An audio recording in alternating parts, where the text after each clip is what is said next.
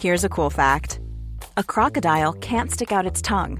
Another cool fact you can get short term health insurance for a month or just under a year in some states. United Healthcare short term insurance plans are designed for people who are between jobs, coming off their parents' plan, or turning a side hustle into a full time gig. Underwritten by Golden Rule Insurance Company, they offer flexible, budget friendly coverage with access to a nationwide network of doctors and hospitals. Get more cool facts about United Healthcare short term plans at uh1.com. Hey, I'm Ryan Reynolds. Recently, I asked Mint Mobile's legal team if big wireless companies are allowed to raise prices due to inflation. They said yes. And then when I asked if raising prices technically violates those onerous two year contracts, they said, What the f are you talking about, you insane Hollywood ass? F- So to recap, we're cutting the price of Mint Unlimited from $30 a month to just $15 a month. Give it a try at mintmobile.com slash switch. $45 upfront for three months plus taxes and fees. Promo rate for new customers for limited time. Unlimited more than 40 gigabytes per month. Slows. Full terms at mintmobile.com. Say hello to a new era of mental health care. Cerebral is here to help you achieve your mental wellness goals with professional therapy and medication management support. 100% online. You'll experience the all new Cerebral Way, an innovative approach to mental wellness designed around you. You'll get a personalized treatment plan from a therapist, prescriber, or both in a safe and judgment free space. Your cerebral therapist or prescriber will outline a customized plan with clear milestones along the way so you can get to feeling your best. With Cerebral, you're not alone in your mental health journey. We're here to empower you to live a fulfilling life. So take that first step towards a brighter future and sign up today at cerebral.com slash podcast and use code ACAST to get 15% off your first month. Offer only valid on monthly plans. Other exclusions may apply. Offer ends July 31st, 2024. See site for details.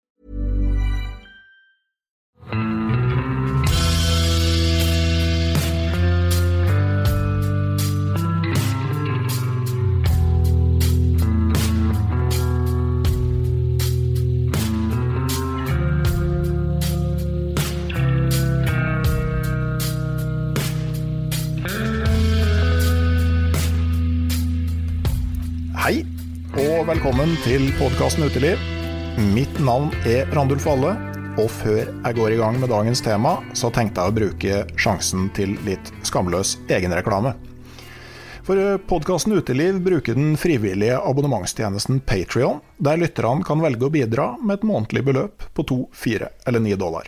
Da får man tilgang til ekstrastoff tilknytta podkasten, og godfølelsen over å kunne bidra til produksjon. Noe som eh, nå gjør, når det kommer stadig nye Patrions, at jeg også kan bruke mer tid. Idet vi spiller inn den episoden her, så er det drøyt 130 personer som støtter produksjonen av podkasten på denne måten. Jeg har lova at dersom tallet øker til 200 innen 1.6, så blir det sommerepisoder av podkasten Uteliv annenhver fredag gjennom sommeren, helt til høstsesongen starter igjen. De episodene her blir litt kortere enn de ordinære og litt annerledes, men det gjør like fullt at vi kan holde kontakten gjennom de varmeste månedene.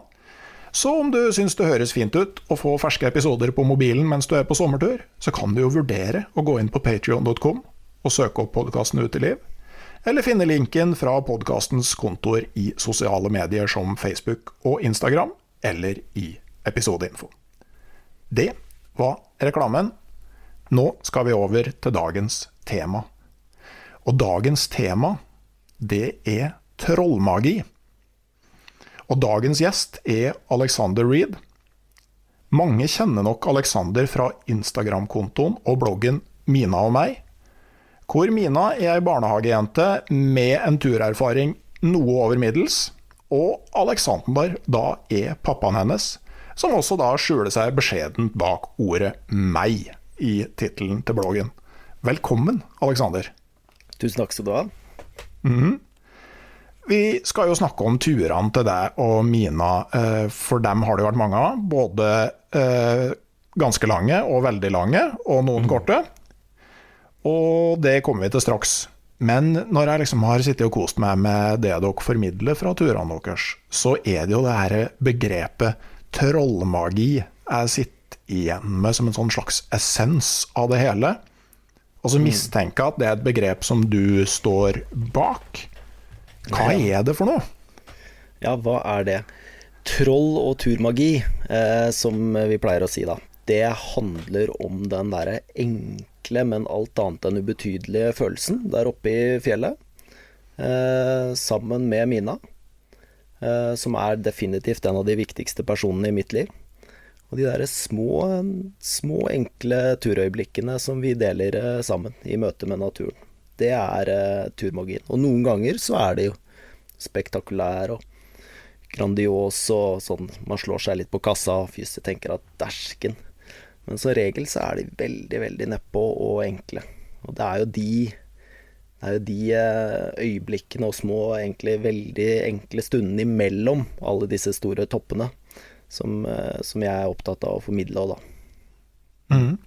Men handler den der eh, troll- og turmagien noe om på en måte det å eh, sette fokus på å bruke sanseapparatet for oppfatning av det her òg? Ja, det vil jeg absolutt si.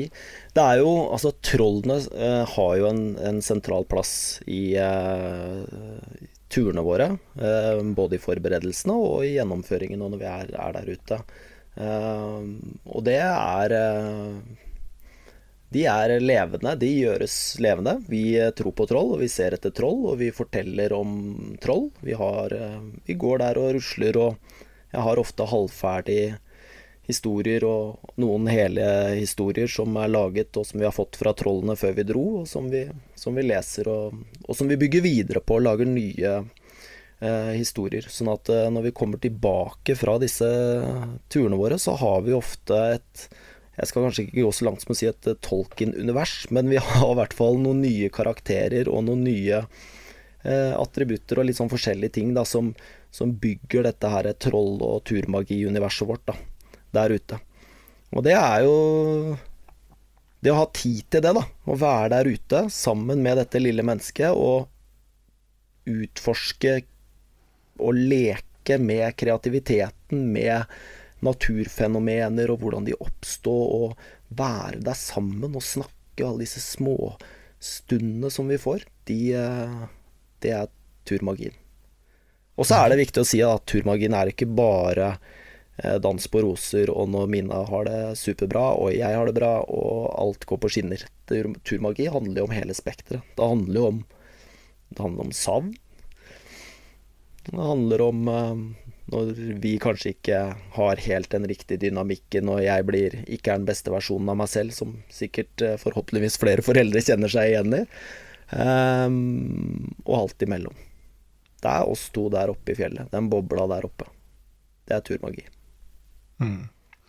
Jeg kan i hvert fall si at jeg kjenner meg òg igjen da. Altså, når du, når du, er på tur med barn, eller når du har barn, så blir du en måte en del av måte, deres sånn umiddelbare svingninger her i livet, som er liksom mer intense enn enn våre. Og eh, når ting er bra, så er det superbra, og så er det av og til, spesielt kanskje hvis man er litt sliten og sånn, at man ikke klarer å ta på en måte den positive veien ut av noe, heller bli med på en sånn nedadgående spiral. og Jeg tror de aller fleste som har barn, har av og til hatt lyst til å sette seg ned og grine utafor barnehageporten etter at man har levert på en sånn dag hvor alt gikk ned i stedet for opp.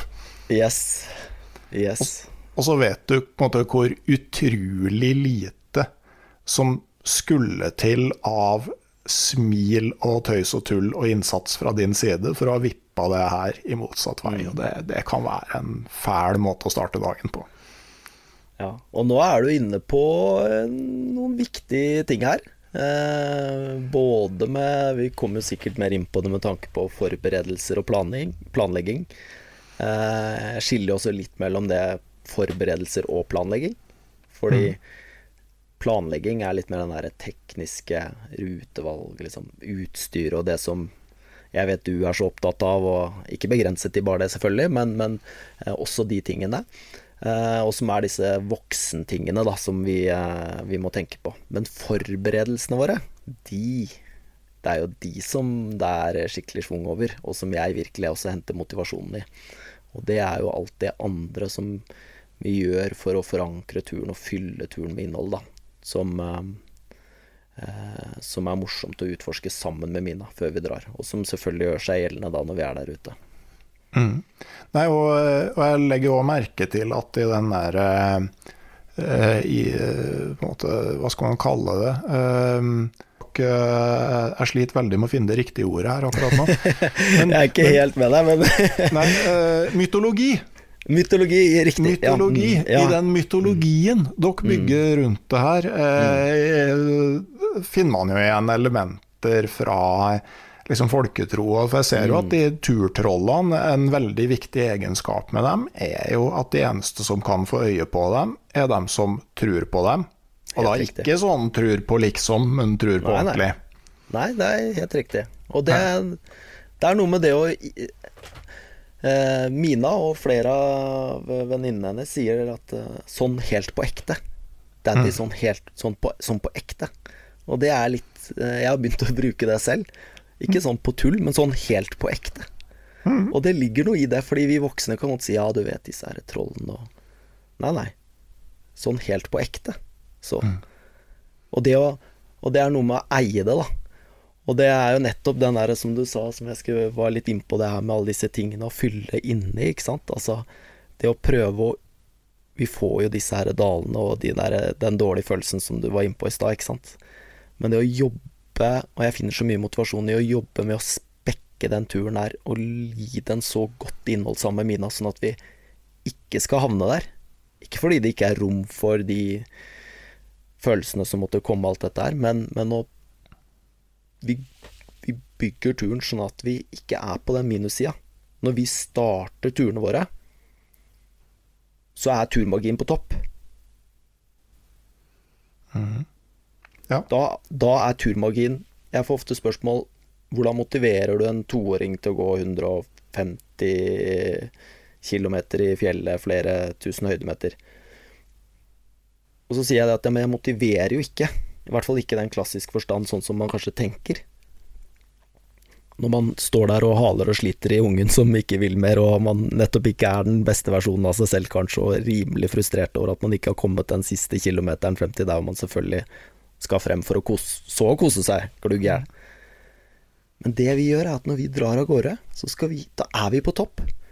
Og min jobb, sammen med Mina, da, det er å bare holde på den. Og det høres kanskje nesten litt sånn trivielt ut, men det er litt annerledes i forhold til hvordan jeg i hvert fall selv eh, Når jeg ikke har helt tatt det der, der innover meg og dratt på kanskje nærturer hvor jeg har hatt kanskje destinasjonsmålet litt mer for øye, da, og dundra litt på med voksenhodet mitt og ikke tenkt så mye på turmagien. Så turmagien er både verktøyet vårt for å komme oss frem, uansett hvor vi skal, langt eller kort, og så er det hele hensikten. Hvorfor vi i det hele tatt er der. Men med mytologien, da, som var ordet jeg lette etter, for mm. turmagien eh, forankra i bunn, så er vi jo da mm. mer klare for å bli med deg og Mina ut på tur. Og vi kan jo si at liksom det prosjektet, eller hva man skal kalle det, med deg og Mina, det starta vel prosjekt, da. Nei, det, det, det kommer vi litt tilbake til, kanskje. For, for eh, det, det starta i hvert fall med en tur på 57 dager og 500 km langs mm. deler av Nordryggen, fjellkjeden mm. som går langs hele Norge. Mm. Kan du si litt, for det er litt sånn spesielt utgangspunkt, sånn som jeg husker Kan du si litt om hvordan ideen oppsto, og eh, hvordan du mm. kom fram til at det skulle gjennomføres? Ja, Eh, da er det egentlig greit å begynne helt fra starten, er det ikke det? og det er eh, Det handler vel egentlig om at eh, jeg har jo vært på tur til og fra gjennom hele livet. Blitt tatt med opp i fjellet av min mor spesielt, og mm, gjennom jakt og rypejakta og Ikke en aktiv fisker, på ingen måte. Kan ikke skryte på meg særlig der, men jeg har hatt glede av de fisketurene jeg har vært med på litt til og fra, litt sånn sporadisk. I det hele tatt, naturen har vært eh, med meg i oppveksten.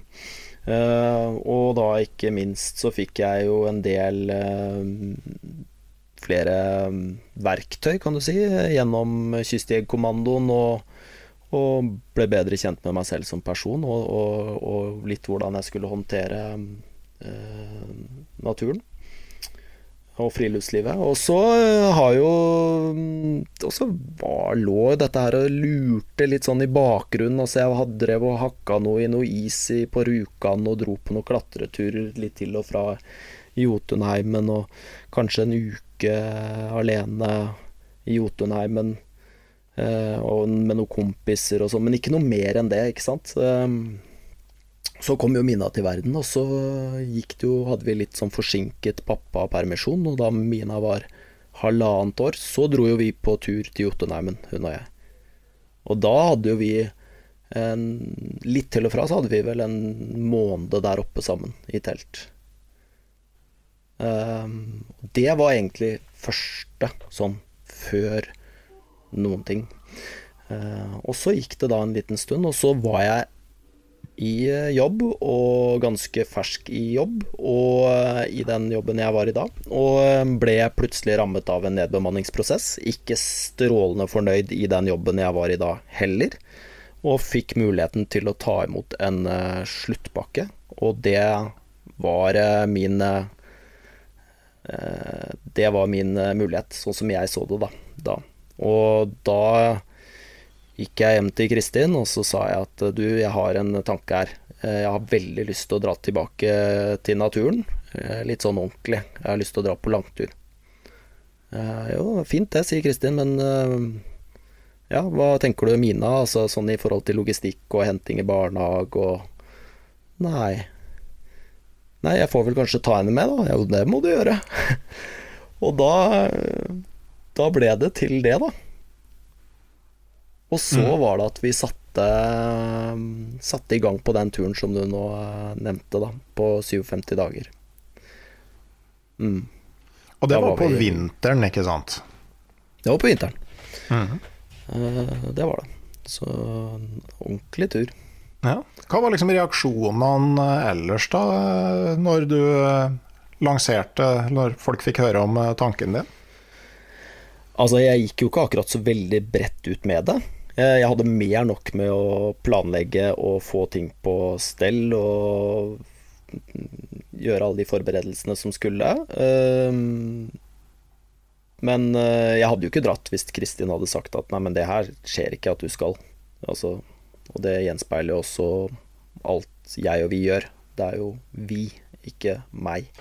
Så hadde hun sagt nei, så hadde jeg heller ikke dratt. Men eh, det Nå er Kristin over middels raus og large som person, og min eh, personlige drømmekatalysator, så hun sa altså ja.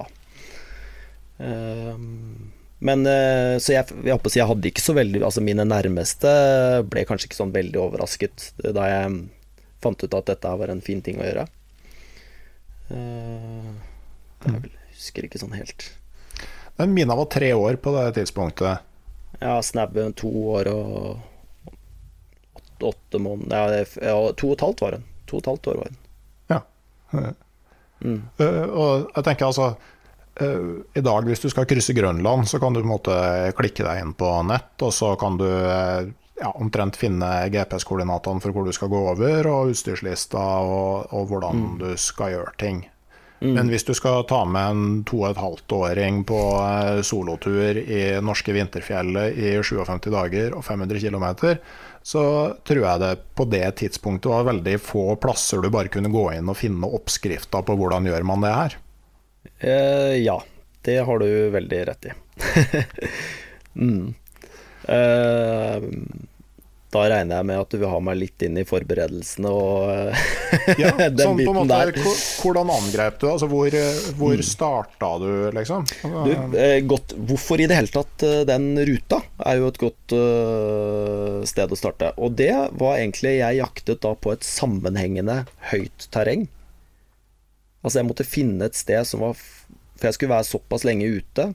Så jeg, i forhold til vårløsningen og sånn, med så tunge pulker, to pulker, eh, så var jeg nødt til å holde høyden jevnt. Jeg kunne ikke gå ned i dalsøkk engang. Fordi da kan jeg bli værende. Altså fordi det er så Det er så tungt, og det er så Ja. Så, så, jeg begynte med å se hvor er det jeg kan ligge høyt jevnt over to måneder. Og da dukket det opp den her ene sånn liten notis om noe sånn geolog som også hadde tenkt at det skulle hete noe Nordryggen, og så gjorde jeg noe mer research, og så hadde DNT gjort en litt sånn uformell navnekonkurranse da, eh, på denne her eh, fjellkjeden eh, noen år tidligere. Og da begynte jeg å utforske den nøyere, og så bare OK, dette er det. Dette her er Dette er det. Så det var inngangen. Mm. Um, og så på en måte hvordan sånn praktisk eh, løse det er, da. Med mm. uh, tenker liksom sånn, Man lurer på altså, hva har dere med? Uh, sånn, hvordan pakker du, hvordan får du med alt?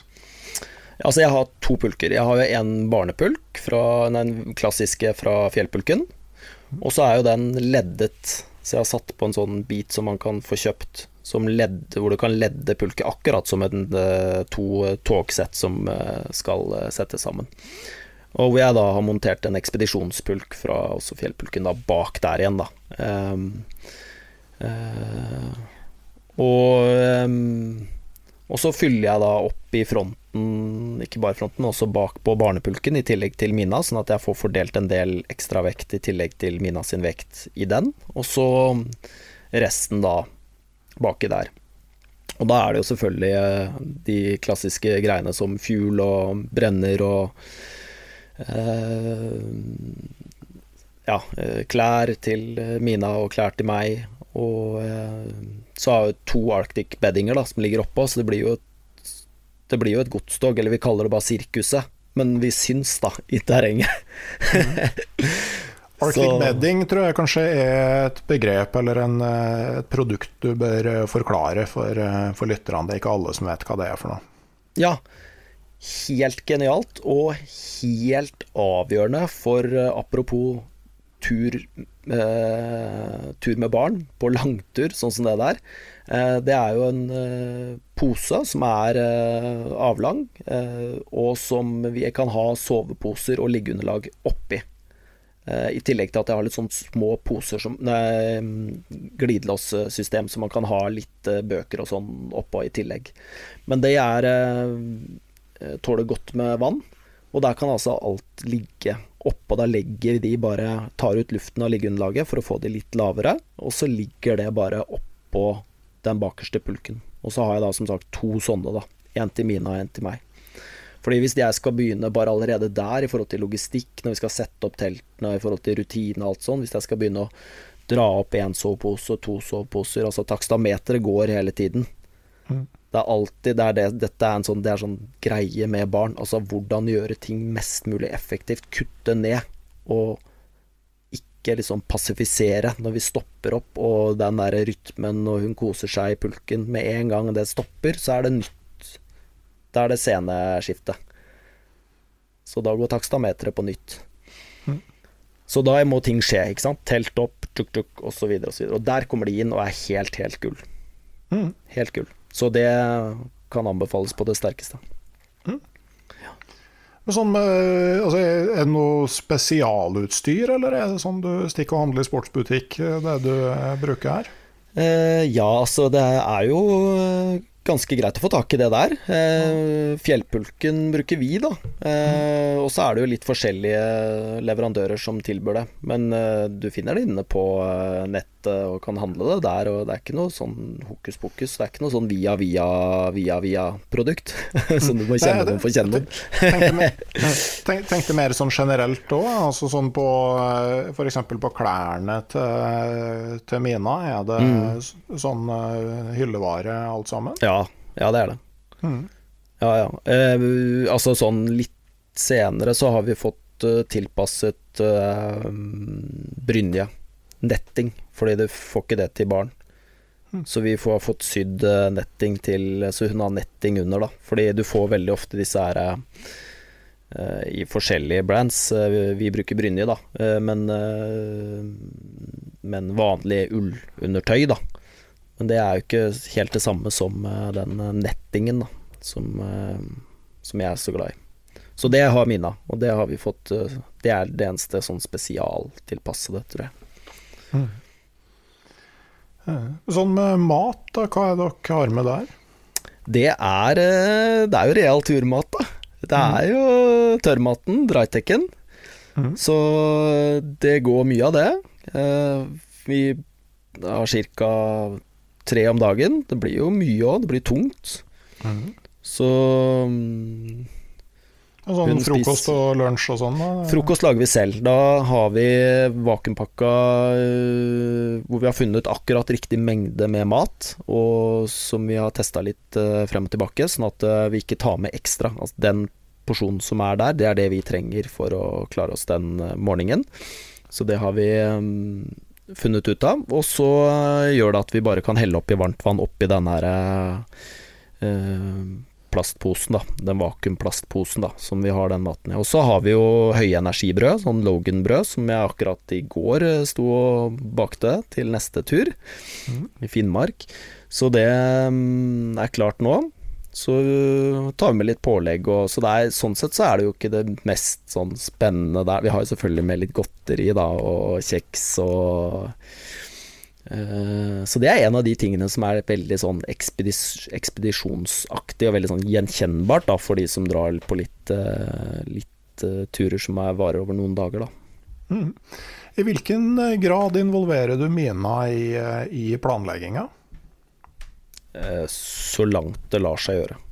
Det er helt eh, avgjørende. Da er vi egentlig litt tilbake til eh, starten.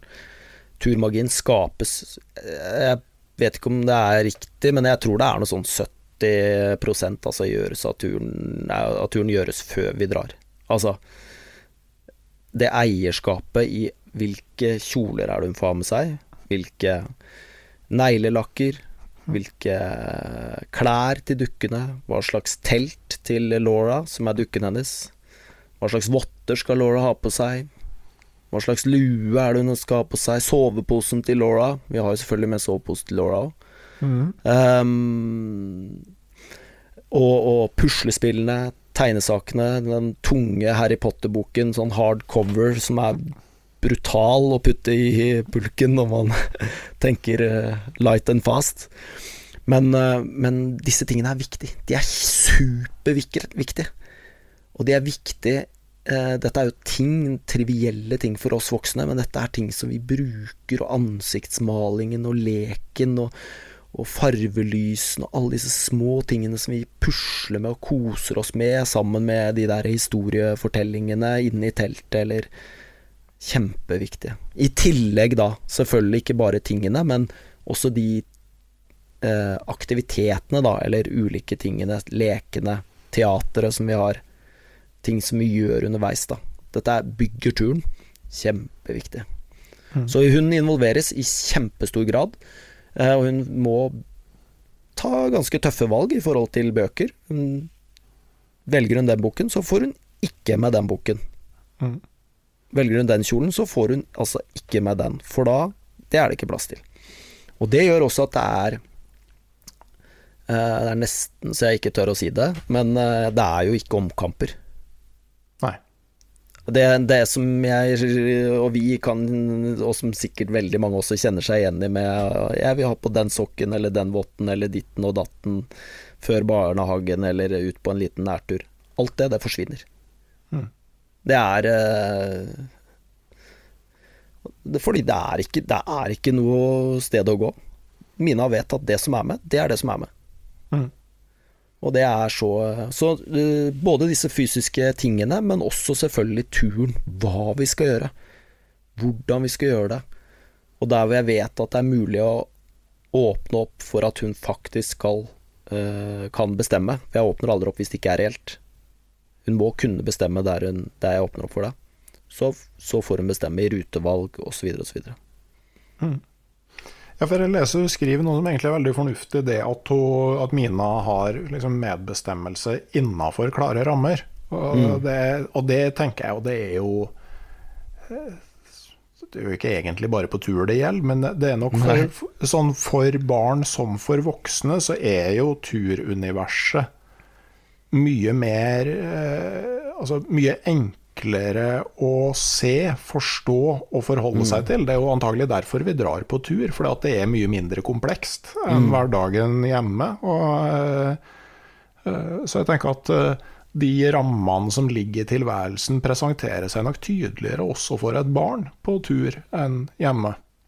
De gjør det, og så er det jo Vi kommer jo litt inn på sikkerhet senere, men f.eks. det her med av og på votter, ikke sant. Så er det ikke sånn at en to, tre, fireåring er like rasjonell alltid.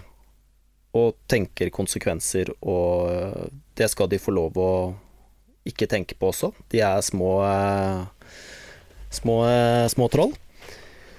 Men noen bør jo helst gjøre det, og den, den personen er jo meg. Og og derfor er jeg, er helt avhengig f.eks. med dette med votten. Hvis jeg ikke er konsekvent fra starten av, og da mener jeg hver eneste tur fra, helt fra starten av, så vil Mina prøve å fire eller utfordre eller et eller annet. Og derfor er jeg igjen dette med de ytre rammene. Og jeg forklarer alltid været er sånn og sånn nå. Nå er det vind, sånn og sånn. Nå går det veldig kort tid, du blir kald. Du får ikke lov å ta de vottene. Og det På de tingene så viker jeg aldri. Jeg har aldri tapt en av de kampene, for jeg har ikke råd til å tape en av de kampene. Jeg kan ikke tape de, både på grunn av den eh, voksenhodet mitt som handler om flyt på tur, fremdriften, den biten der, men enda viktigere nettopp sikkerheten og det at Mina ikke blir unødvendig kald da, og skader seg. Så det er eh, Men det er da det kommer. Når vinden slutter, og Mina fortsatt er varm på hendene, og hun sier til meg 'Daddy, daddy, kan jeg ta av meg vottene?' Nå kan du ta av vottene, fordi nå er det ikke mer vind Ikke sant, du får en årsaksforklaring. Det er veldig lett, og jeg tar meg i det selv. Når jeg er hjemme, så er det veldig fort gjort når de små trollene skriker ut at 'jeg vil ditt' eller 'jeg vil datt', og så sier man litt sånn på impuls, bare sånn 'nei, nei, ikke det'. Ta på de, for det har jeg bestemt. Men det er jo egentlig ikke noe jeg har ikke noen god grunn for det, jeg har bare bestemt meg, liksom. Men når jeg er på tur, og da er jeg tilbake til den der eh, simplicityen din Det er en grunn for det meste. Det er en grunn for at vi må kle oss som vi gjør, og øh, gjøre som vi gjør. Mm. Og bare jeg forklarer det til Mina, så får hun lov å være med å bestemme innenfor disse rammene her hele tiden. Mm. Jeg kjenner meg så godt igjen, for jeg, jeg prøver også når jeg får spørsmål fra ungene og høre på dem og vurdere altså, er det noen grunn til å si nei. Mm. Og så Hvis det ikke er det, så kan man jo si ja. Men det er igjen litt sånn avhengig av dagsform og hvor sliten du er og sånn. Altså, det er fryktelig fort gjort å si nei på, på refleks. Kjempefort gjort, altså. Og det er trist, altså. Ja. Så, men er vi litt inne på den Ja, ja, det er litt inne på også den motivasjonen da, som jeg Altså, jeg Når jeg klarer å være den gode versjonen av meg selv, når jeg klarer å gjennomføre ekspedisjonen, da, jeg vet ikke hvor mange prosent sånn reelt sett, men altså la oss si bare 20 da, ikke sant. Så lite som mulig. Men jeg må jo selvfølgelig ivareta sikkerheten og alt det som ligger rundt, ikke sant, på den mm. ene sida her. Og mest mulig, så mange prosent av meg, inn mot Mina, med disse tingene vi snakker om nå, og med leken, tilstedeværelsen og nysgjerrigheten og trollhistoriene. Da får turmagien lov å blomstre. Mm. Og det er da jeg føler meg skikkelig, skikkelig uh, høy og mørk, Randulf.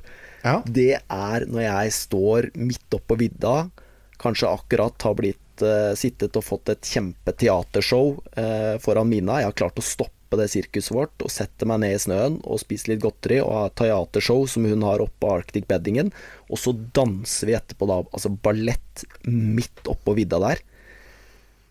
Eh, da da føler jeg at jeg Da føler jeg meg Da er jeg litt stolt av meg selv, fordi da har jeg klart å legge bort det derre voksenhodet som sier at oppad, fremad, videre, dagsmarsjen, dagsetappene som skal nå det lineære. Da har det mm. alt det andre, det ikke-lineære, og den kreativiteten og den energien da, som barn bare har i kraft av å være barn. Jeg har klart å være med inn der. Og det er eh, da jeg virkelig kjenner at jeg Shit, nå Alex, nå, nå får du til. Så det er ja. ikke når jeg er i mål eller noe sånt nå. Ja ja, det er fint og flott, det. Men det er de øyeblikkene, altså. Mm. Og de kan være ganske små. Trenger ikke å være så stort som en, uh, å danse midt oppå der heller. Bitte, bitte små. Morsomt når du da etter hvert ser deg litt rundt og ser at det sitter noen på haugen. Eh. du, det, apropos det, vi hadde jo gått i nesten eh, ja, fire uker eller et eller annet sånt fra Isfjorden. Da var jo Mina som sagt ja, to år og åtte måneder, og vi gikk nå der og rusla, vi da. Da hadde vi akkurat ligget 36 timer værfast i eh, det tomannsteltet vårt. Det er utrolig hvor lenge man faktisk kan eh, leke gjemsel i et tomannstelt. Det er mange gode hjemmeplasser, det, så det kan anbefales, eh, Randulf. Uh, men da må jeg da, Har vært med på det. ikke sant? Og det er Det, det funker, altså. Så, og da gikk vi jo inn i det, og da hadde jo reinsjakta begynt. Og det er jo faktisk Jeg har møtt uh, Jeg driver jo en sånn der fedregruppe, Trolldaddies. Vi er 140 mannfolk inni skauen her som surrer rundt. Og, uh, med ungene våre. Og da var det en av de som, som sa at du, vet du hva, jeg så deg på tur, jeg. Og da var det litt sånn. Da trodde vi at vi var dønn aleine, og drev og dansa og herja midt ute på slettene der. Men da satt jo sånne der trigger-happy eh, reinsjegere rundt oss på alle kanter. Og alle Så, med Swarovski-kikkerter til riktig. 15 000 spenn med stabilisatorer. Og der eh, fløy vi rundt og heia, herja og Ja. Nei, det var fint. Det var fint. Så, det, så, vi blir eh, sett, selv når vi ikke vet det. ja. sånn, når det er litt bedre vær, da, så, så vi ikke må være inne i teltet hele tida, så går det an å leke mm. kom inn. Og det er jo da at eh, ungen ja. Eh, at liksom bare åpner glidelåsen i innerteltet, går ut i ytterteltet, åpner glidelåsen og går ut og lukker bak seg, og så banker på, og så sier du 'kom inn', og så kommer de inn igjen. Nydelig, altså. Det kan man gjøre i en time ja. eller tre. Altså, man trenger jo ikke mindfulness-kurs hvis man drar på uh, sånne turer med barn. Da mm. får man uh, praktisert det ganske greit. Ja. Uh, ja, og så er det jo når du liksom skal jobbe med deg sjøl hvis du er litt sånn sliten når de setter i gang ting. Men jeg tenker jo sånn Jeg har jo ei som gjerne vil at enten skal for, gjerne fortelle om sånn polarekspedisjoner og sånn. Det er veldig artig å høre om. da ja. så, og, og, men sånn du blir jo litt sliten sjøl sånn, når du liksom vil høre enda mm. mer om Scott og Amundsen. Eh, og så tenker jeg åh, nå har jeg bare lyst til å gå uten å snakke. Men altså, mm. eh, hvis du prøver å se det litt utafra, da. Mm. Mm. Altså, ok, vi er langt inne på fjellet, og uh, ungen din på, i barneskolealder vil at du skal fortelle om Scott og Amundsen. Er det liksom lov å være sliten da, liksom? Ja, og der går vi, ja. ikke sant? Og der går vi. Med det lille, fantastiske levende jukeboksen av et troll ja. i verdens beste lekeplass. Mm. Ikke sant? Det, det, er, det, er, akkurat det. det er, og det er det som Jeg blir gira bare av å snakke om det, fordi jeg klarer oppriktig ikke å tenke meg en setting som er bedre. Altså, jeg klarer ikke å plassere meg i livet på en annen plass, en annen kontekst, med andre folk enn eh, også selvfølgelig resten av familien, da. Eh, men, men, men liksom når jeg er der oppe da, det er ikke så mye mer jeg har å Nei. Det kan ikke bli så mye bedre, altså. Det høres Nei, kanskje og... veldig sånn klisjé ut, men det er, det, det er i hvert fall min følelse. Så klart, du, du, du, har jo tatt det der friluftslivet med barn til helt andre nivåer enn det jeg har klart. Da. Men, eh, men samtidig sånn bare de sprellene som vi har gjort. Altså, mm. Hvis jeg skulle tenke tenke meg noe liksom, før vi fikk barn, hvordan det mm. kunne være. Og liksom, ja, sånn har en fem måneders unge og eh, padler gjennom Pasvik og ligger i telt inn, inn mot finskegrensa. Liksom, ja, det, det, ja det, det, det, duger. Det er nok. Mm. Mm. OK. Uh, ja, nei, vi har mye å prate om, ja, det er interessant. Det. Ja, Hva er det du tenker at liksom den livsstilen her da gir Mina? Mm. Nei, altså jeg håper jo at uh, vi blir jo litt bedre kjent, da. At det er rom for nettopp den her stillheten å være med seg selv, da. At hun kan være med seg selv i møte med naturen. Det i seg selv, uh, i den travle verden som vi lever i. Uh, syns jeg er viktig. Um, og, um, og, at vi kan få oppleve naturen sammen, da. Og utforske sammen. Uh, jeg håper jo at hun uh, Ja, at vi gjennom de opplevelsene og, og, hvordan vi er sammen og med hverandre, at hun også blir trygg på meg, da. Uh, for til syvende og sist så ønsker jeg jo henne alt vel. Og Eller og det, det ble jo litt feil. jeg ønsker henne alt vel her i verden. Altså uansett hva hun måtte velge av retning, om hun vil omfavne turlivet på den ene eller andre måten, lite stort, høyt opp eller lavt ned. Det som er viktig, er at Mina til syvende og sist har det bra med seg selv og omgivelsene sine, og at hvis ting går skikkelig gærent, uansett, så vet hun at hun alltid kan komme til Kristin og meg. Jeg håper at det gir en Eh, en trygg, eh, at det skaper en trygg og god jente. I hvert fall bidrar til det. Mm -hmm. Ja. at du blir glad i naturen, da. Mm. For jeg er så glad i naturen selv. Men jeg tror du, altså, syns det er utrolig fornuftig det du sier det med at, eh, at liksom, du, du, tar over på ting nå, men det at unger må jo få lov å være dem de er, og velge den veien de vil. Og de er jo forskjellige. Så en gammel mm. turkompis av meg, noen år eldre enn meg, som uh, før vi skulle på en langtur, forklarte at liksom, ungene hans var, var liksom De har alltid tenkt de skulle få lov å være dem de ville, og de var veldig forskjellige. Og uh, mm. har liksom valgt veldig forskjellig vei i, i livet. Og det, det har jeg skrevet bak øret. At, uh, mm. Håper at man kan liksom anerkjenne et veivalg. Mm.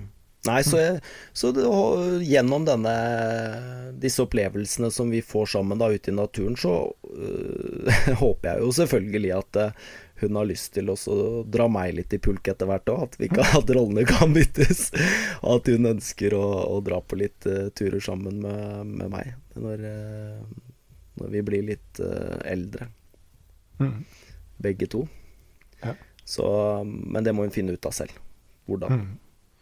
Men klarer du å huske du hva du tenkte og følte da du kobla på eh, mm. pulkene og plasserte mina i pulken og skulle starte? Åh, oh, jeg eh, husker det så godt.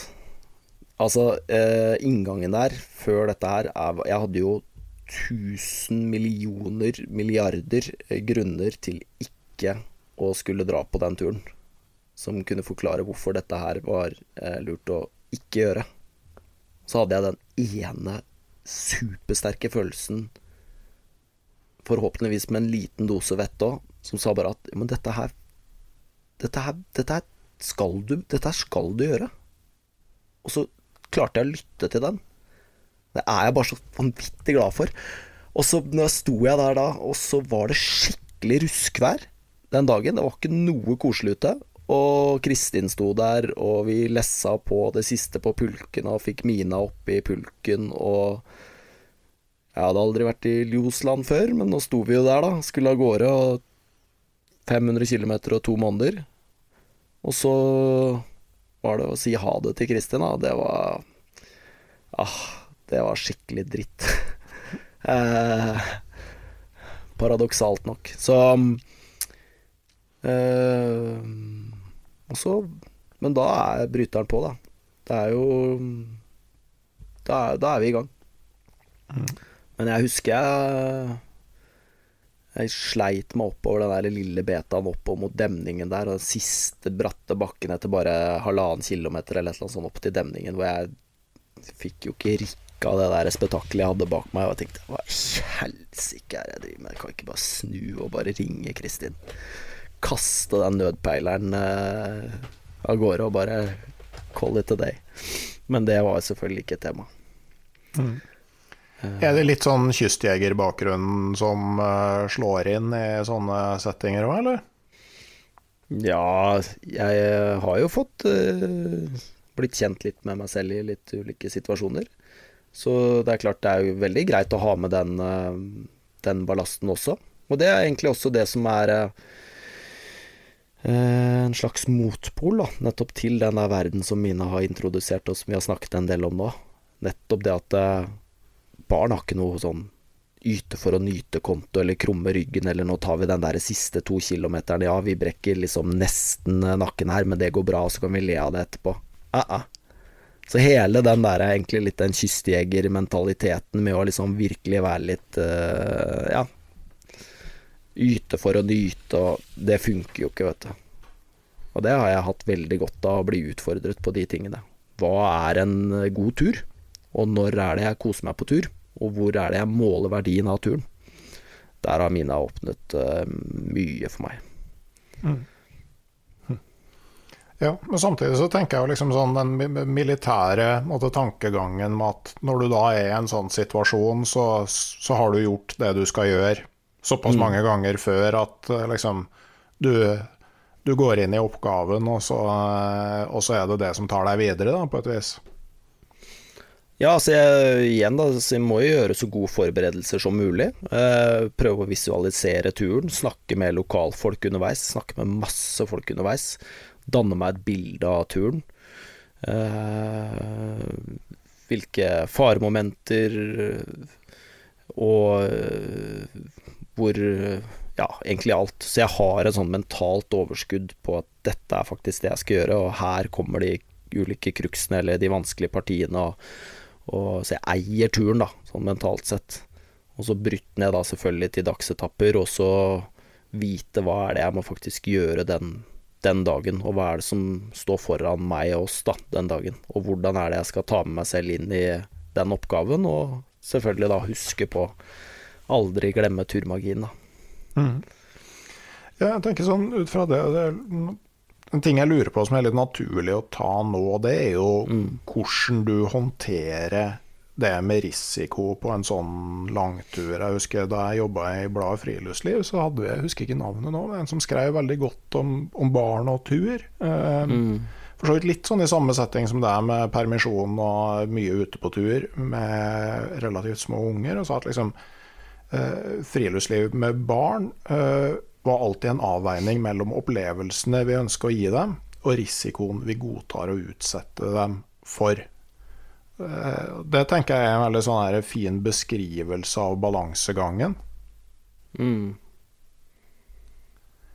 Mm. Hvordan har du tilnærma deg det der med, med, med, risikovurdering og risikohåndtering på en sånn tur? Altså, det ligger jo på mine skuldre.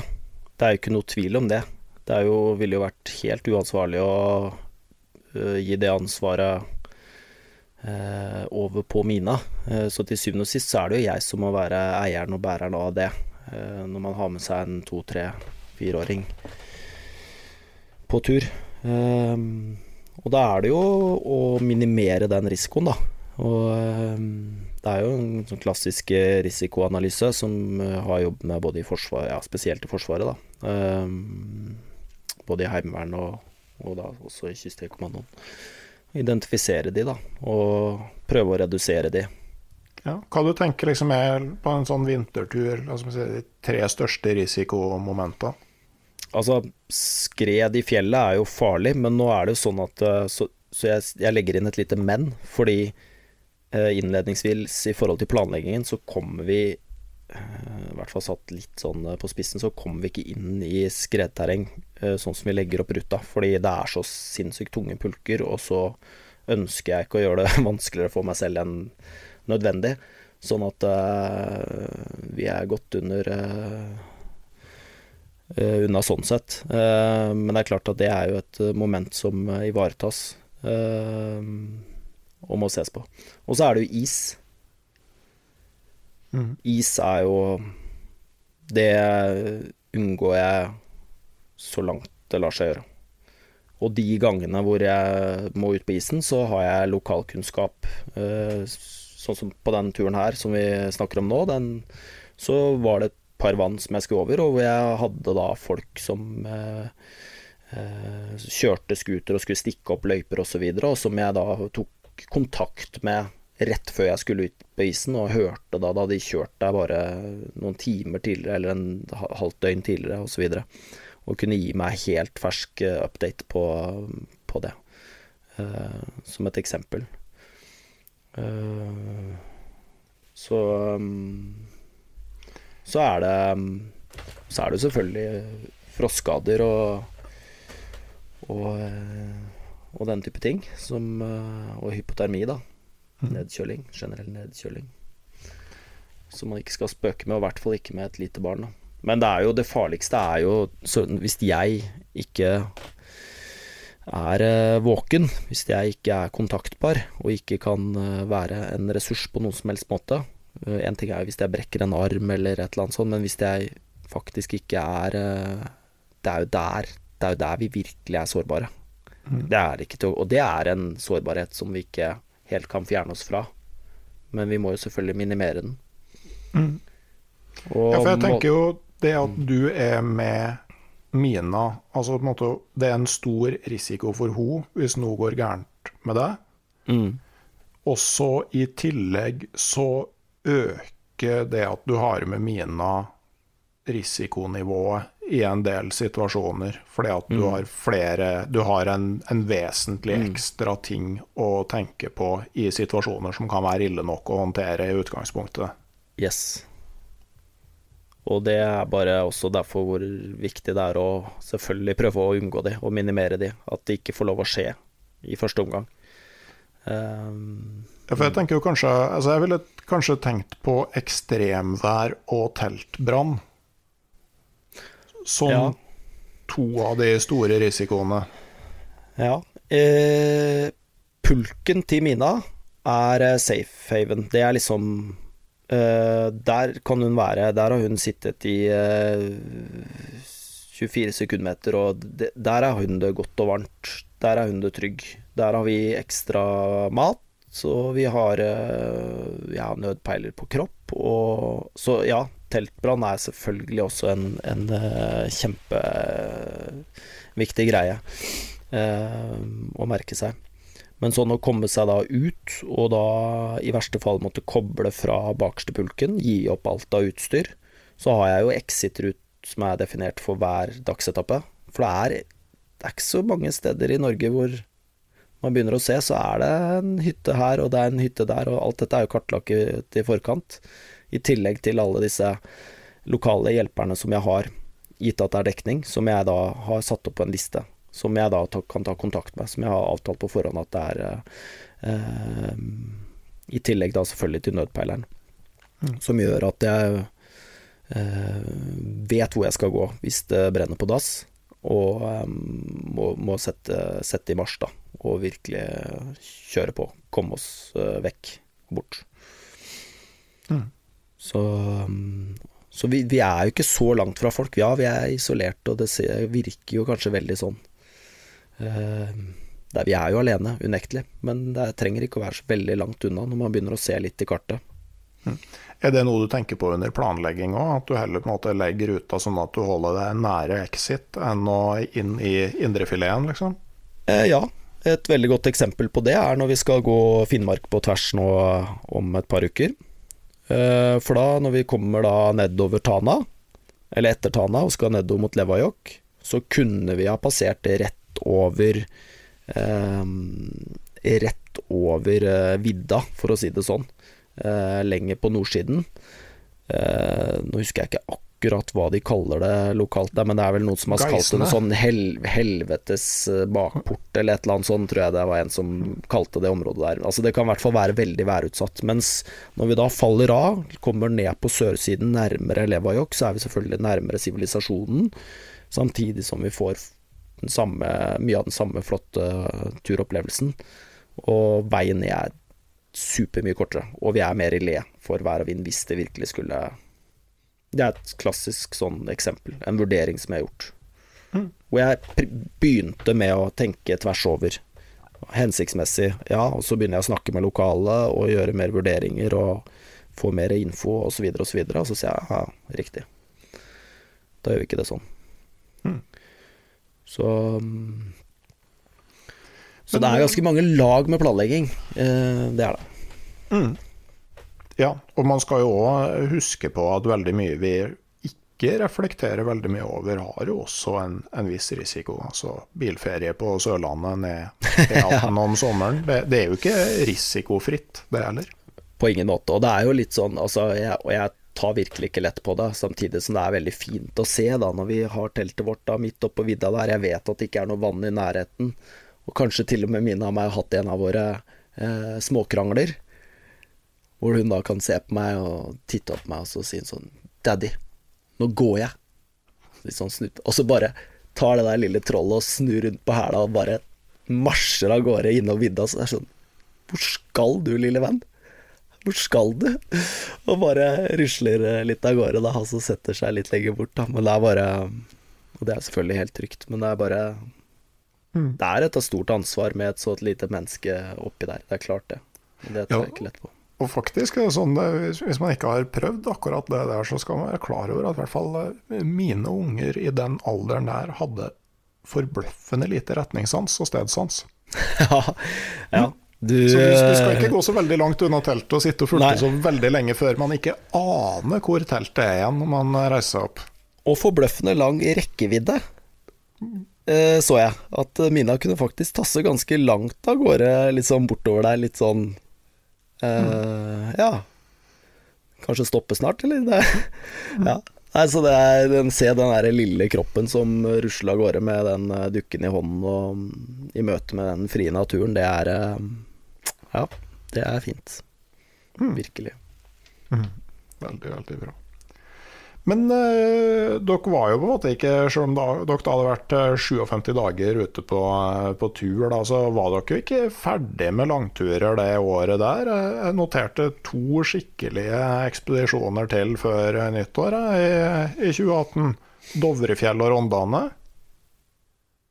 Uh, ja. ja, da hadde vi jo de der snaue fem ukene fra Isfjorden. Stemmer. Da hadde vi først en uke uh, Da var Altså, kan vi si det at eh, når vi sitter da etter Vi hadde depot på tre plasser, så da fikk vi kyss og draitek, som vi sier. Kyss av mamma og draitek. Eh, det var veldig koselig å se mamma igjen da. Eh, så vi så Kristin ved tre anledninger. Og eh, Eh, og så da hun hentet oss eh, ved parkeringsplassen ved Leirvassbu, og eh, vi eh, seiler på skiene og pulkene nedover siste betaen inn der, og får gitt en stor klem og kyss, og setter oss i bilen, så er det at eh, Vi er selvfølgelig helt elektriske alle sammen, men det er, det er jo da vi bare skjønner at ok, det er jo noe med det her vi skal ta med oss. Vi skal ta med oss noe av dette her. Og det handlet selvfølgelig sånn rent egoistisk for min egen del i forhold til eh, å endre litt kurs, sånn karrieremessig og ikke minst fokusmessig. Altså mer natur. Tettere på naturen. Og så handler det jo om eh, oss som familie, da. Å få den berømte hverdagskabalen til å gå opp. Eh, for vi sto også ved et veiskille sånn sett, hvor eh, min jobb eh, dytta på sin måte, og Kristin sin på sin, og så Mina i midten som skal hentes, og. Vi, vi måtte ta noen grep uansett, og da var eh, Kan gjerne si naturen var litt redningen eh, da, og helt riktig for meg personlig. Og så, eh, så da har vi jo på en måte dratt dette her videre, og så dro vi da på den turen. Neste turen. Og da hadde vi en uke først i Tafofjella, hvor vi hadde sånn avvenning drøy uke. Familien med bæremeisen, som vi skulle slutte å bruke. Så vi pakka teltet, og så hadde vel en åtte dager eller et eller annet sånt, hvor vi surra rundt oppi der og gikk, brukte stadig mindre bæremeis på Mina. Og så dro Kristin da hjemover, og så slapp Mina meg av i eh, Breheimen. Og så tok Mina meg en lita uke til i eh, Breheimen, hvor vi da ikke hadde med bæremeis for første gang. Hvor jeg pakket recompacken og liksom den klassiske stilen som vi nå kjører, da. Og, eh, og så kom oss hjem. Og så dro vi da ut på denne femukersturen eh, etter kun kort tid. Bare minna meg. Fra Isfjorden eh, til Dovrefjell, da. Så da hadde vi det, var en, det var en skikkelig fin tur, altså. Skikkelig fin tur. Og hvor vi avsluttet da Vi gikk jo da over Hoemskaret, så rett opp fra Isfjorden, og eh, 1400 høydemeter eh, opp, og så selvfølgelig ned igjen på andre siden, og så opp igjen, og så videre innover da mot eh, etter hvert eh, Setesdalsheien og ja, Dovrefjella. Og så avsluttet vi da på Snøhetta. Um, så det var én tur, og så hadde vi 24 dager fra Lillehammer-traktene til Rondane i førjulstiden. Det er kanskje den tøffeste turen vår. Ja, det er jo strengt og det området, i hvert fall når du begynner å komme opp i Snaufjellet der. Så, Altså, den logistikken og det der greiene der, apropos planlegging og sånn, fordi eh, det var jo ikke snø. Det kom jo ikke snø før eh, Vet ikke om du husker det, men det, det var jo ikke snø i fjellet før eh, rett mot jul nyttår. Det var så vidt det var. Så vi begynte på beina i, eh, helt i slutten av november. Med da Men for ikke snø inne, så hadde jeg med en sånn liten transportpulk ytterst bakpå sekken. Og så gikk vi på vanlig eh, turløype. Det røde fulgte de røde T-ene. Og så etter en uke så begynte det å komme noen få centimeter, og så kom da Kristin opp, stakkar høygravid, med da lille Olava, som da fortsatt var i magen, og med da pulkene våre, for å etterforsyne med de store pulkene, da. Og da fortsatte vi da med pulkene videre derfra og inn eh, til Rondane. Og da fulgte vi, da var det så lite sånn at da fulgte vi T-merkinga når vi gikk på ski i starten. Før vi kom litt høyere opp i, i over tregrensa og opp, skikkelig opp i fjellet da. På vinteren. Det var, en- det var en ganske, en ganske kald tur òg, men det ble jo kjempefin. Det ble kjempefin. Så det var de to turene før eh, nyttår der. ja. Og du, når du sier høygravid, så er det jo familieforøkelse. Men altså, du likte jo ikke at jeg brukte ordet prosjekt om det her. Men altså, det, det, det har jo på en måte jeg vet ikke, Du kaller det hva du vil, men det har jo vokst til noe som ble større enn den første turen, må det jo være lov å si. Definitivt, og det har du jo også helt rett i. Det er, mm. det er jo veldig sant. Ja. Så det er bare når jeg sier det, så er det vel mer det at vi på en måte har integrert dette her som en del av livet vårt. Hvordan vi på en måte virker. Eh, Så selv om man stenger ned Instagram-kontoer eller eh, ja, hva det skal være, så vil jo vi fortsette med det her, vi. Ja. Ja, øh, dere ble jo årets villmarkinger i 2019. Ja, det ble vi. Det er kult, det, da. Ja, ja. Veldig, veldig stas. Det er kjempe kjempeære. Det er virkelig, virkelig stas. Vi ser jo de skiene som uh, henger uh, hjemme, da. De små til Mina. Årets villmarking. Det er ikke større enn armen min, ikke sant, i skiene. Så det er litt kult, da. Det var veldig stas, det. Det var veldig, veldig, veldig stas. Men når du nevner Instagram og sosiale medier og sånne ting, altså så, så tenker jeg det er jo interessant å høre litt um, Hva slags vurderinger og tanker har dere gjort rundt det at Mina er så vidt synlig på nett? Mm. Jeg er litt glad at du spør om det, fordi det er jo også litt sånn eh, eh, Jeg vet jo at det er veldig mange forskjellige tanker om det der ute. eh, og det er vanskelig.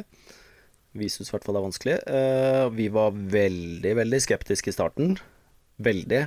Så vi har ikke gått blindt inn i dette her. Kristin og jeg har snakket mange ganger om det her, og det har vi gjort gradvis også etter hvert som det har blitt mer og mer eksponering. Eh, Så det ligger en del kjøreregler og vurderinger i bånn der. Eh, Og så må vi jo si at vi har jo justert eh, fra helt i starten, da. Fordi vi fikk såpass mange gode tilbakemeldinger på at det vi kom med var så fint og, og ekte, og folk kjente seg igjen i det, og vi følte vi eh, klarte å formidle nettopp det jeg er opptatt av, da, de der små historiene som er litt imellom, da. Som er litt ujålete og, ehm, og neppe og ekte, da, håper jeg, da. Ehm, så med det som, som bakteppe, så så vi at ok, men ja, vi, vi fortsetter å fortelle de historiene her. Fordi folk lar seg inspirere, og folk har glede av de, og folk, vi får fine tilbakemeldinger fra folk om at dette her betyr noe for de. Ehm, Men, når men vi har noen regler. Ja, og, det det var er det jeg jo, om. og det er jo Du ser også at det er ikke om hva vi spiser til middag og alt øh, rundt. Det er ikke hele livet vårt. Det er fra turene våre. Det er kanskje noe hjemmefra i forbindelse med at vi forbereder oss til tur og litt sånn vurderinger i den sammenhengen, hvor jeg kanskje spør mine om noe som jeg tenker er relevant i forhold til planleggingen osv. Men det er jo ikke alt. Og det gjør ikke at vi er på, og jeg går ikke rundt med dette her uh, Den der teite suttekluten som jeg kaller mobilen, uh, i tide og utide. Jeg tar de små snuttene jeg trenger, og så legger jeg dem bort. Um, mm. Så det er én ting. Det er fra turene våre. Dette er for å formidle tur og det aspektet der, friluftslivet, uh, med og uten barn. Uh, og turmagien. Uh, og så er det andre kjøreregler er jo det at vi får jo som veldig mange andre, en god del henvendelser om å ja, stille opp med ditten og datten og reklamere for ditten og datten. Og eh, for de som har fulgt oss litt, så ser du jo, ser du det at jeg har jo noen samarbeid med noen. Og dette er eh, samarbeid som jeg er både veldig stolt av, og som har en eh, litt eh, større mening i at jeg bare får kasta noe klær eller en pulk eller et telt etter meg. Altså dette er eh, samarbeid som jeg håper å få til noe med, og som vi allerede har fått til noe med. Eh, som skal føre til noe. Eh, sånn at de, eh, de, hjelper oss til å nå ut til en del av det jeg ønsker å få til med, med det lille lille vi kaller det brand, jeg vet ikke hva vi skal kalle det, du skjønner hva jeg mener. Altså den lille plattformen som vi har skapt, da. Ja. Hvor vi kan få det, til gode ting for andre. Det er jo et brand, da. Du, du sier det jo sjøl. Altså, og det er ikke noe negativt i det. Da. Det er jo liksom ja. måte, et, ja, et, et konsept, et si, prosjekt. Men, men eh, mm. det, det, det, blir jo på et vis det, da. Det, jeg ser jo nå på video eh, videokonferansen vi bruker for å ta opp det her, mm. så har du en fin rosa caps med ja, turmagi. Rosa caps, ja. Ja, ja, må ha rosa caps. Ja. Nei, så, så, vi dropper de der leverpostei-reklamene og alt disse her eh, native marketing fra 90-tallet, hvor vi eh, ja, får kasta mm. noe penger etter oss for å Altså, det er jo begrenset hvor mange skallbukser og skalljakker man faktisk trenger. Eh, mm. Også sånn miljømessig. Er altså så, så, det er eh, det, Sånne samarbeid dropper vi. vi. De vi har, de er vi stolte av å jobbe med, og de ønsker vi å fortelle historier sammen med. Og det gjør også at jeg har ikke noen sånne forpliktelser til å skulle eh, brette mina foran på alt mulig. Jeg skal bare gjøre akkurat det jeg gjør selv om jeg ikke hadde hatt en eneste avtale, og det er bare å fortelle disse her historiene om uh, Som jeg står fritt til selv. Mm. Uh, mm. Ja. Det, jeg, jeg, spør jo for at det er interessant å høre hvordan dere, dere tenker rundt det. For jeg syns det er et fryktelig vanskelig tema. Jeg synes det er vanskelig. Jeg har vel egentlig landa på at er i veldig liten grad uh, det er ikke så veldig mange bilder av mine unger å finne på nett. Mm. Um, er, og for min del så blir det òg litt det der uh, altså, Når du I hvert fall det å drive og dele veldig mye og, og bli veldig opptatt mm. av det når du er der ute. Mm. Den, mm. den, der mm. bamsen, mobilen, er distraherende nok som den er, om du ikke skal drive og få masse tilbakemelding på hva du driver med mens du er der ute. Altså det, ja. Du sier noe der. Jeg har prøvd begge deler, og det er Mm. Ja, ja, definitivt. Og så er det jo én uh, eh, viktig ting til, da. Det er jo det at Mina vet jo ikke noe om Instagram. Nei, det, det gjør hun ikke, men uh, Nei, jeg sier ikke at det er ubetydelig, men jeg bare Nei. For jeg, jeg, vet at hun vil jo lære om det, og hun vil jo Så, mm. så, så det er også et uh, aspekt som definitivt må, vi må ta høyde for. Men det at det, det det at hun Det er ikke vårt prosjekt. Det er ikke vårt sånn Instagram-prosjekt hvor jeg deler og viser bilder og sitter med mobilen og surrer og holder på sammen med Mina. Det har hun. Hun aner ikke, hun vet ikke hva det er. Hun har ikke noe forhold til det. Nei. Så dette handler om den historiefortellingen, og så er det der jeg eh, legger det, da.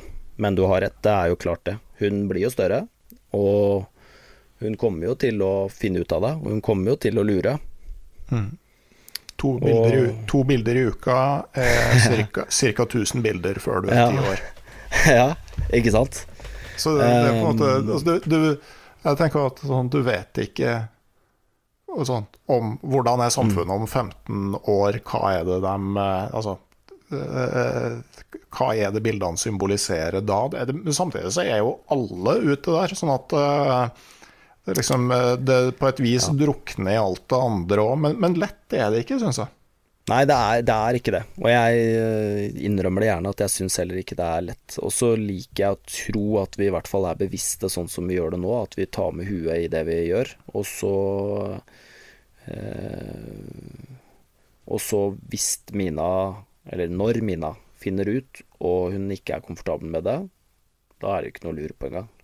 Da må det jo i hvert fall mm. eh, stenges ned. Så som jeg prøver jo å få til også film, da. Altså det er liksom Fordi med en gang man snakker om sosiale medier, så får det en sånn egen wrapping. Men det er, og litt nesten ironisk nok, så forsvinner hele hensikten med sosiale medier, tenker jeg, er, må jo være å formidle historier, da narrativene. Og så har det egentlig druknet litt i alle disse her eh, eh, Kanskje flotte bildene med den fattige teksten under som egentlig sier ingenting. Um, mm. Og er dønn likt det neste bildet. Mens jeg prøver på en måte å, å formidle noe, da. Eh, og har jo et ønske om å gjøre det på andre flater enn nettopp sosiale medier. Eh, gjennom TV og og eh, kanskje en bok. Kanskje en liten trollbok. Hadde vært stas. Mm. Det Så, er eh, forleggere som bør kjenne sin besøkelsestid. ja. Men uh, før, vi, før, vi, slipper det her, så er det én sånn siste ting som jeg òg tenker på litt det her med, med uh, å fronte barn og friluftsliv, som, som blir litt spesielt. For altså, spesielt altså, sosiale medier, og så vidt for jeg som skriver og sånn, og, altså, det er jo en sånn slags positiv iscenesettelse av seg sjøl. Som du sier, mm. at man har de der kørsvarte dagene på tur, som når man sitter og griner utafor gjerdet til barnehagen etter å ha levert om morgenen. Uh, og hvor alt går gærent. Men, men det er det jo på en måte ikke etisk riktig å vise. Altså å, å, vise en frustrert, sint og desillusjonert treåring eh, på Facebook, da tenker jeg eh, Jeg tenker at det blir på en måte for invaderende. Og nettopp mm. derfor så er det vanskelig å gi et sånn helt et helt reelt bilde av hvordan det er der ute. Noe som veldig fort kan få folk til å, å tro at de ikke får det til. Mm. Det er, det er veldig presist og godt sagt. Um, jeg eh, Det slår meg bare at jeg har jo lagt ut en post, og det var ganske tidlig, av nettopp at Mina sitter og gråter. For hun savner mamma. Og vi har jobbet med savn fra starten av. For savn er jo veldig, veldig menneskelig, og veldig, veldig eh, fint også. Mm. Fordi det betyr jo bare at man er veldig, veldig glad i noen. Mm. Og vi har i hvert fall brukt eh, mye tid på våre turer til å snakke om det å savne, og hva det betyr, og, og eh, gi det den plassen som det trenger. Men da er det jo at jeg da har filmet Mina mens Eller for kameraet bare stått og gått, og så har jeg gått bort til henne, hvor hun da sitter og gråter og savner mamma, rett og slett. Uh, og det, da fikk jeg jo litt forskjellige tilbakemeldinger. Da er vi mm. inne på akkurat det du sier nå. Eh, så det er vanskelig å vise de, eh, de greiene. Men det er også der jeg syns det er lettere og egentlig også bedre gjennom tekst. For jeg mm. gjør det ganske liker å tro at jeg gjør det Få med de tingene også når vi har våre krangler og uenigheter, og hvor jeg også kanskje tråkker over eh, som forelder og blir urimelig, fordi det kan også skje. Det er faktisk ikke sånn at det bare er eh, barna som er urimelige. Jeg kan være riktig så urimelig, jeg òg, og godt er det. Um, få fram de tingene òg, når det går litt på tverka der oppe. Når det ikke er så mye turmagi som vi jobber for. Så er det jo nettopp da, hvordan kan vi møtes da, og finne ut av det og snakke sammen, og hvordan er det jeg kan si unnskyld til Mina når jeg gjør noe galt, da. Og lære at det, vi voksne kan også gjøre feil, og det er lov å si unnskyld. Og Så jeg, jeg tror jeg får Jeg håper jeg får fram eh, en del av det, i hvert fall. Kanskje derfor jeg liker både bok og podkast som medium. Fordi mm. at eh, du har jo en helt annen mulighet til å plassere ting i en kontekst, og du har Altså, du kan på en måte beskrive uten å Uten at det blir så direkte for den det involverer. Sånn, mm. Så at, men igjen det der med at sånn, på sosiale medier så blir det enda vanskeligere å gi det mm. der reelle bildet av, av, hvordan vi faktisk har det der ute. Ja, nei, det er ikke nødvendigvis min optimale plattform i det hele tatt for å kunne kommunisere det jeg ønsker, men det er jo et eh, medium som jeg kan uh, bruke, da. Og som jeg mm. når ut til, i hvert fall. Så enn så lenge så er det uh, noe jeg bruker. Så håper jeg at jeg kan flytte meg over på andre flater også, altså. For ja. å få synliggjort turmagien enda mer. Og at mm. enda flere voksne tror på troll.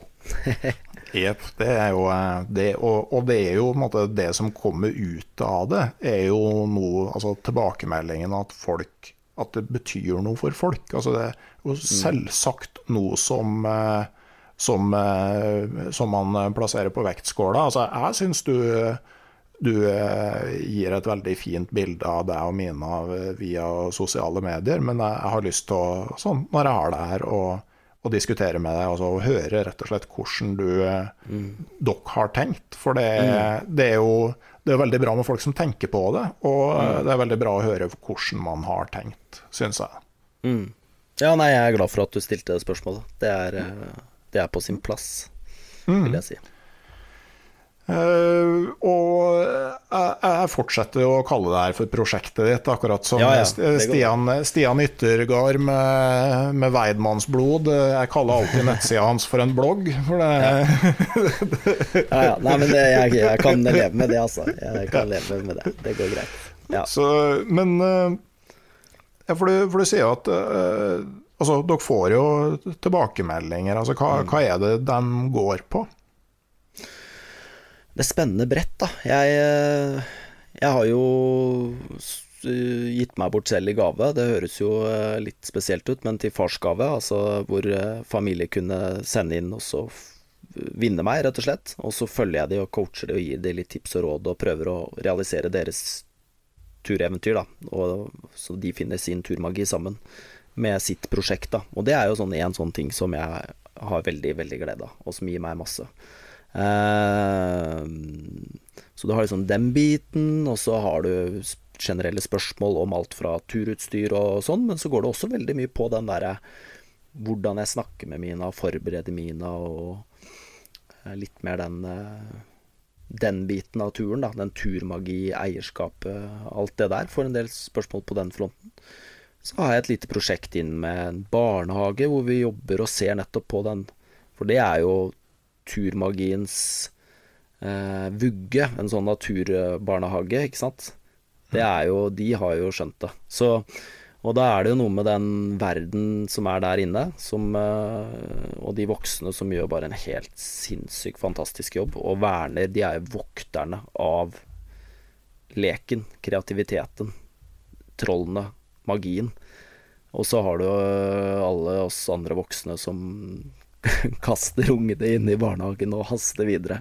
Så har satt litt på spissen, da. Men uh, hvordan kanskje den der lineære voksenverdenen der ute er uh, De må jo beskyttes litt, sånn sett, tenker jeg. Mm.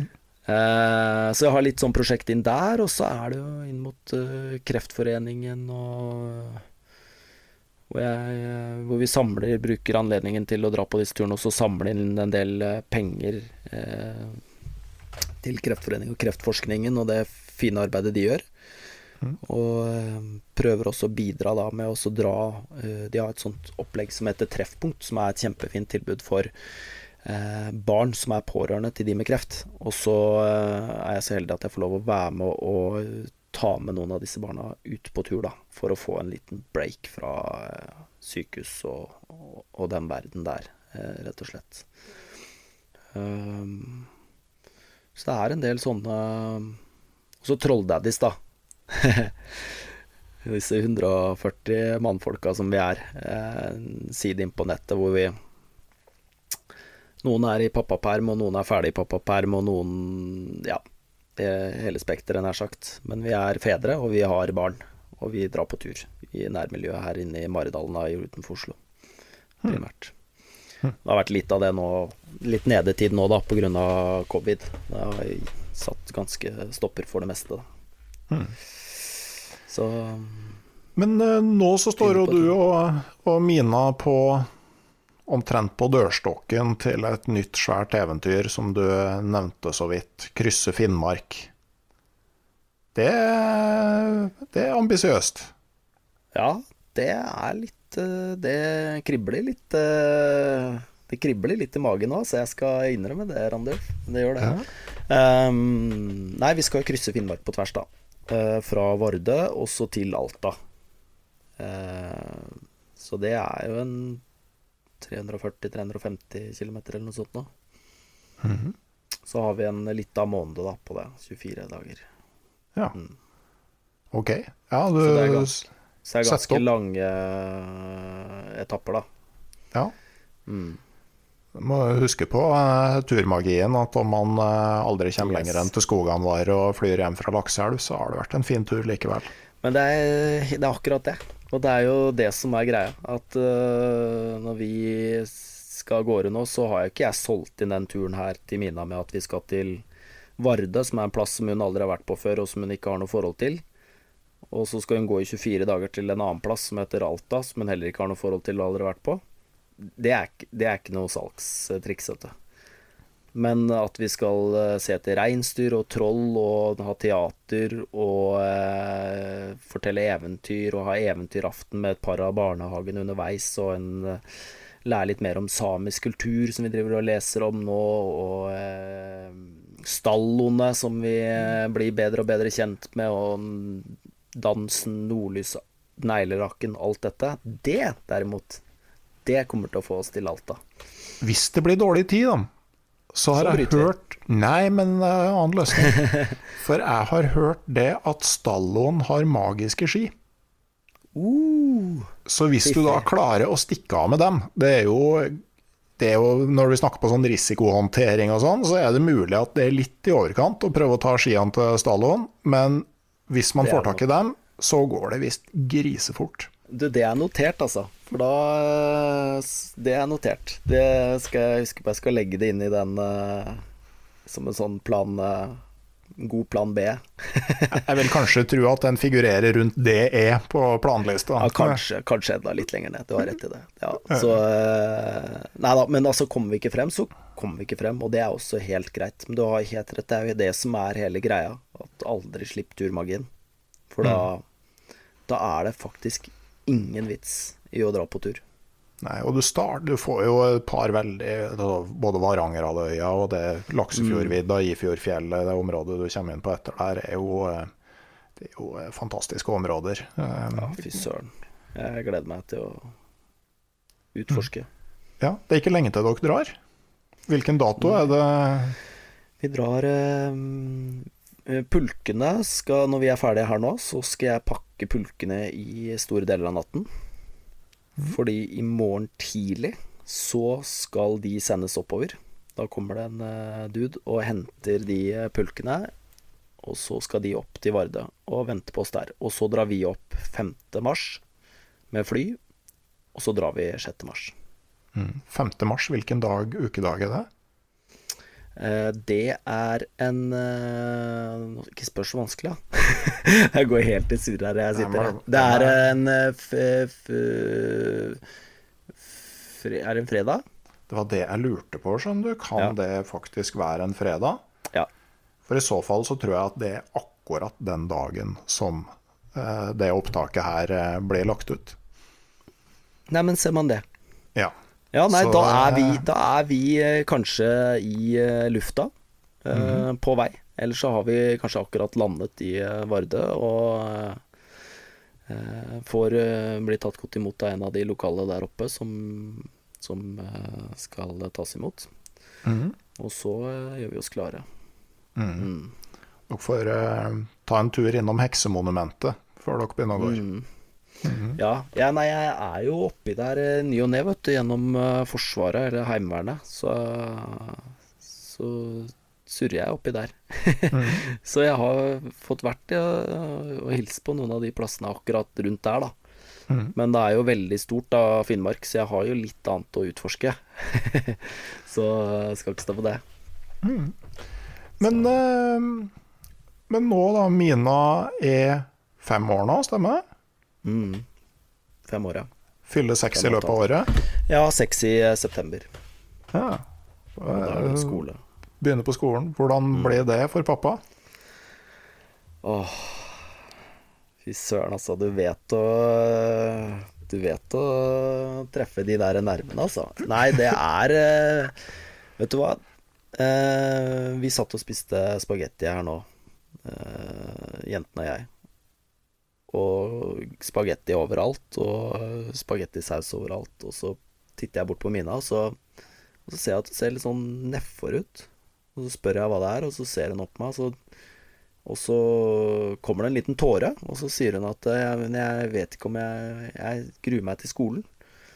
Og Ja, gruer deg til skolen? Det er jo ikke noe å grue seg. Det blir jo det blir kjempegøy, det. Lære nye ting og Nei, ja, jeg Men jeg Ja, det blir bra, det, men jeg Jeg vil jo fortsette på langtur. Og jeg er redd for å miste eh, turmagivennen min, da, sier hun. Eh, og det kjenner jeg meg veldig igjen i. jeg er jo livredd for å miste den, den beste turmagivennen min eh, som jeg noen gang har hatt. Eh, så jeg håper at vi klarer å finne en eh, Ja, i den grad man skal kalle det nettopp et prosjekt, da, så er det jo en sånn ongoing prosess med hva er det vi kan få til, og hvordan ønsker vi å rigge oss i livet, og hvordan kan vi ta vare på de tingene som betyr noe for oss. Eh, og gjerne plassere oss litt ute i naturen, da. Så vi må finne en løsning på det, men jeg har ikke noe godt svar til deg, er egentlig greia. Nei, men det, på en annen side, da, igjen det med Som du sier, med savn. Det er jo der av en eh, grunn. Og eh, det betyr jo at man har hatt noe veldig positivt de årene der. Ja. Um, Det er jo Det er det, strengt tatt altså. verre med den, dem som gleder seg til ungene begynner på skolen. Ja, nei, jeg eh, Det blir fint med skolen, altså. Men jeg håper at vi klarer å få til eh, noen langturer også. Um, mellom alle den ABC-en og 1, 2, 3-en. Til slutt, altså, hva, hvis du skulle liksom oppsummere med mm, eh, La oss si eh, tre til fem av dine beste sånn erfaringer, råd til dem som vil ha glade, fornøyde barn og foreldre sammen på tur. Mest mulig av tida, da, for det, det går jo åt skogen iblant.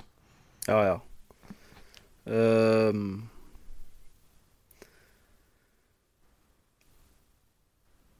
Eh, si til deg selv at uh, det er ikke jeg som skal ta med barna på tur. Vi skal på tur sammen. Det er et uh, tips slash råd. For med en gang du gjør det, så er det helt naturlig å spørre turkompisen din om hvordan han eller hun har lyst til å ha det, og hva som er gøy på tur. Så det er bare det mentale lille skiftet der gjør noe med både planlegging og gjennomføring. Og så er det turtips. Turtips eller eh, tips Det er Det må være alltid barna går først. Aldri gå foran. Da mister du oversikten, både litt i forhold til risiko, avhengig av hvor du går, selvfølgelig, men ikke minst i forhold til kommunikasjon og fange opp hvis de blir slitne, eller så kan du være litt preventiv og, og invitere til at du er det ankeret av og til. Da. At det ikke alltid er eh, lille Tim i front som må si at 'Å, pappa, jeg er så sliten, kan vi ta pause?' Så ser han når Tim begynner å henge med jeg begynner å bli sliten, så kommer han i forkjøpet. 'Du, Tim, ser du den der maurturen der borte? Nå begynner jeg å bli ganske trett i beina. Kan vi ikke sette oss ned der, da? Og så tar vi og spiser litt sjokolade og leser litt bok. Hæ? Så det, og så er det å øh, prøve å koble ut det der voksenhuet. Inn og lek. Utforsk. Ikke, ikke Det er så Altså, den derre være litt øh, Jeg har blitt irritert på meg selv når jeg på en måte forventer at Mina skal fasilitere leken. At hun skal komme opp med de der små trigger. 'Å, se der, daddy. Se, du kan Å, der er det sånn, og nå ser jeg det på himmelen.' Men være den selv. Mina, har du sett de skyene der? Har du sett at de der ser ut som en rumpe til en ku, eller hva søren det skal være, ikke sant? Å være den som inviterer til eh, fantasien og leken, da. Eh, anbefaler jeg. Det er utrolig befriende, også. Og så er det å eh, pakke eh, Ja, hva skal man si? Lett og eh, lett på de tingene som ikke er viktige for turen, men som du selvfølgelig må ha med for å få det til allikevel. Og når det er ikke viktig på turen, så mener jeg det der turmagistæsjet. Ikke sant? Den, de der to motpolene som må ha med brenneren, men ikke sant. Finn lette, gode ting på de tingene som kan du gjøre lett, og så heller ta med en ekstra bok, ikke sant.